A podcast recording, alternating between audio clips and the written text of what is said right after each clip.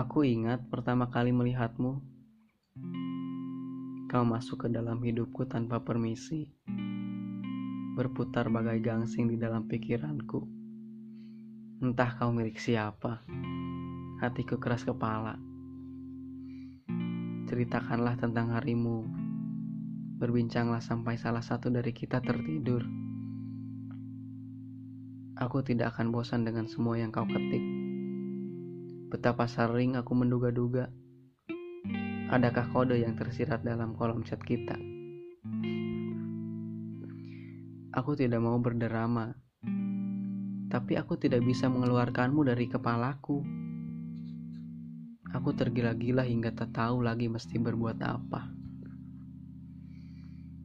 Ini semacam hasad purba yang lebih tua dari manusia jika kau percaya akan jodoh, mungkin ini adalah contohnya. Dan aku tidak berbicara perihal parasmu atau apa yang engkau punya.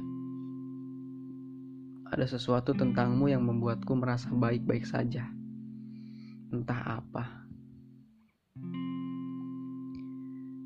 Kau selalu mampu membuatku jujur mengenai segala hal kecuali satu, perasaanku. Andai saja aku mampu memberitahumu, tapi aku terlalu takut akan reaksimu yang tidak sesuai dengan imajinasiku. Bukankah fiksi lebih meninabobokan dibandingkan kenyataan?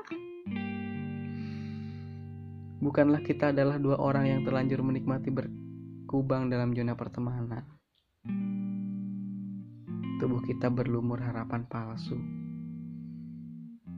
Tanganku menggapai-gapai mencari jalan keluar, sementara tanganmu mencegahku untuk ke mana-mana.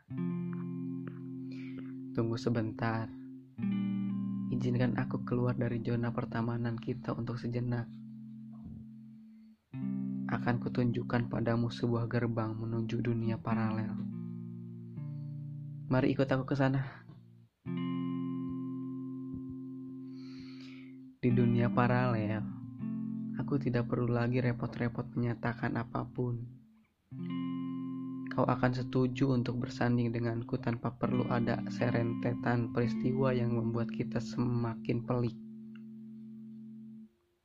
Aku akan menjadi bumi untuk mentarimu, lirik untuk lagumu, hujan untuk bungamu.